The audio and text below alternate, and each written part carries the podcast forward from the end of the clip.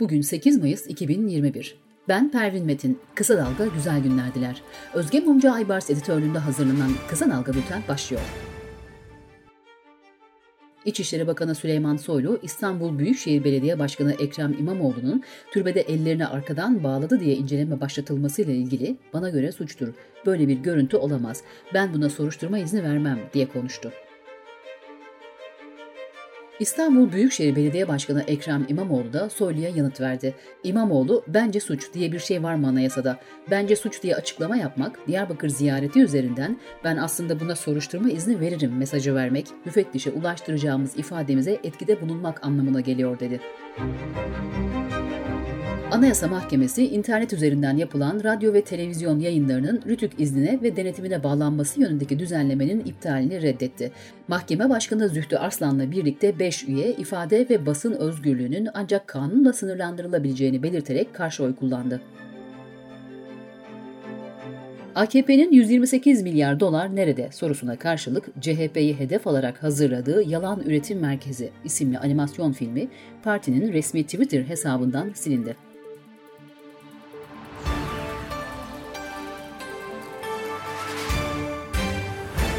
AKP'nin resmi internet sitesinde yayımlanan gelir gider cetveline göre partinin 4 yıllık toplam basın, yayın ve tanıtım harcaması 68 milyon 978 bin 107 lirayı buldu. Milli Eğitim Bakanlığı öğrencileri derse girmeyen öğretmenlerin ek ders ücretleri kesilecek demişti. Süreç başlatıldı. Okul idareleri tarafından öğretmenlere mesaj gönderildi.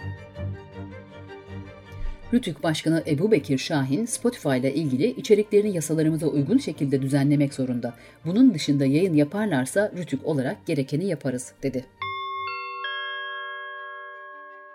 Covid-19 haberleriyle devam ediyoruz.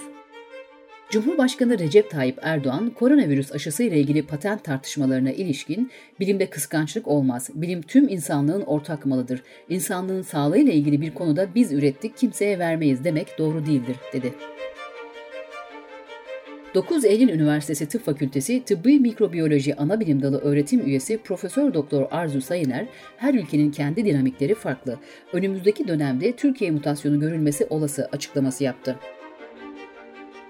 Sağlık Bakanlığı Bilim Kurulu üyesi Profesör Doktor Hasan Tezer, çocukların koronavirüsü hafif geçirse dahi bulaştırabileceğini belirterek toplumsal bağışıklığı sağlamada çocukların da aşılanması çok önemli diye konuştu. Almanya Sağlık Bakanı ülkede 3. koronavirüs dalgasının kırıldığını ancak buna rağmen önlemleri gevşetmek konusunda aceleci davranmamak gerektiğini dile getirdi. Sırada ekonomi haberleri var. Pandemide yoksulların temel gıdalara erişimi başlıklı ankete göre tavuk, yumurta, balık tüketimi pandemi döneminde azaldı. Aylık 2 kilo ve üzeri tavuk tüketenlerin oranı %18.5 iken pandemi sürecinde %4'e, balık tüketenlerin oranı %10.4'ten %2.9'a düştü. Hazine ve Maliye Bakanı Lütfi Elvan, 2020 Şubat ve Nisan ayı arasında 2.5 milyon vatandaşımız işsiz kaldı. İşsiz sayısında daha da artma eğilimi de söz konusuydu. Buna yönelik çok ciddi tedbirler aldık, dedi. Bankalar arası kart merkezi daha önce 250 TL olan temassız kartların şifresiz işlem limitinin 350 TL'ye yükseltildiğini açıkladı. 350 TL ve üzeri yapılan ödemeler ise şifre gerektirecek.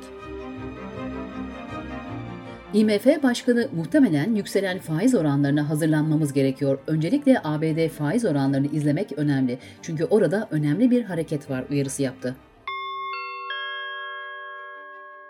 Dış politika ve dünyadan gelişmelerle devam ediyoruz.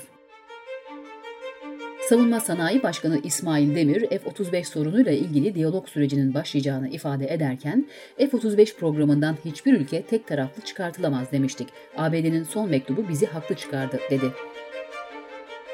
Dışişleri Bakanlığı, Kahire'de gerçekleştirilen istikşafi nitelikli Türkiye ve Mısır istişarelerinin tamamlandığını açıkladı. Taraflar görüşmelerin olumlu geçtiğini vurguladı.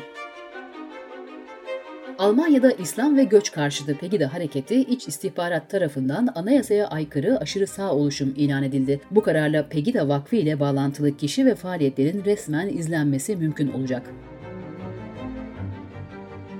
Yunanistan'da medeni kanunda kapsamlı değişiklik öngören yasa tasarısı tartışma yarattı. Tasarı velayet hakkı kimde olursa olsun çocukla ilgili kararların anne ve baba tarafından ortaklaşa verilmesini öngörüyor. Tasarıyı eleştirenler ise düzenlemenin ev içi şiddete maruz kalan kadın ve çocukları tehlikeye atacağından endişeli. Çin'in hafta sonunda dünyaya düşmesi beklenen roket enkazı ile ilgili endişe sürerken Pekin hasar olasılığının son derece düşük olduğunu açıkladı. Enkazın Türkiye'nin de bulunduğu bir alana düşmesi bekleniyor. Amerika Birleşik Devletleri merkezli düşünce kuruluşu Rhodium Group'un tahminlerine göre 2019 yılında tüm dünyada üretilen karbondioksit eş değerlerinin %27'sinden Çin sorumlu. İkinci sırada %11 ile ABD, üçüncü sırada ise %6.6 ile Hindistan yer alıyor. Bültenimizi Kısa Dalga'dan öneriyle bitiriyoruz. Eşit Haklar İçin İzleme Derneği ve Kısa Dalga İşbirliği'nde hazırlanan Yasaksız Meydan'ın 12. bölümünde İrem Avşin'in konuğu olan Mersin Kadın Platformu üyesi Çiğdem Serin, barışçıl toplantı ve gösteri haklarını kullanan kadınlara kesilen rekor para cezalarını anlatıyor. Kısa Dalga.net adresimizden dinleyebilirsiniz. Kısa Dalga'nın podcastlerini Spotify, Apple, Spreaker, YouTube, Google Podcast platformlarından da dinleyebilirsiniz. Gözünüz kulağınız bizde olsun. Kısa Dalga Medya.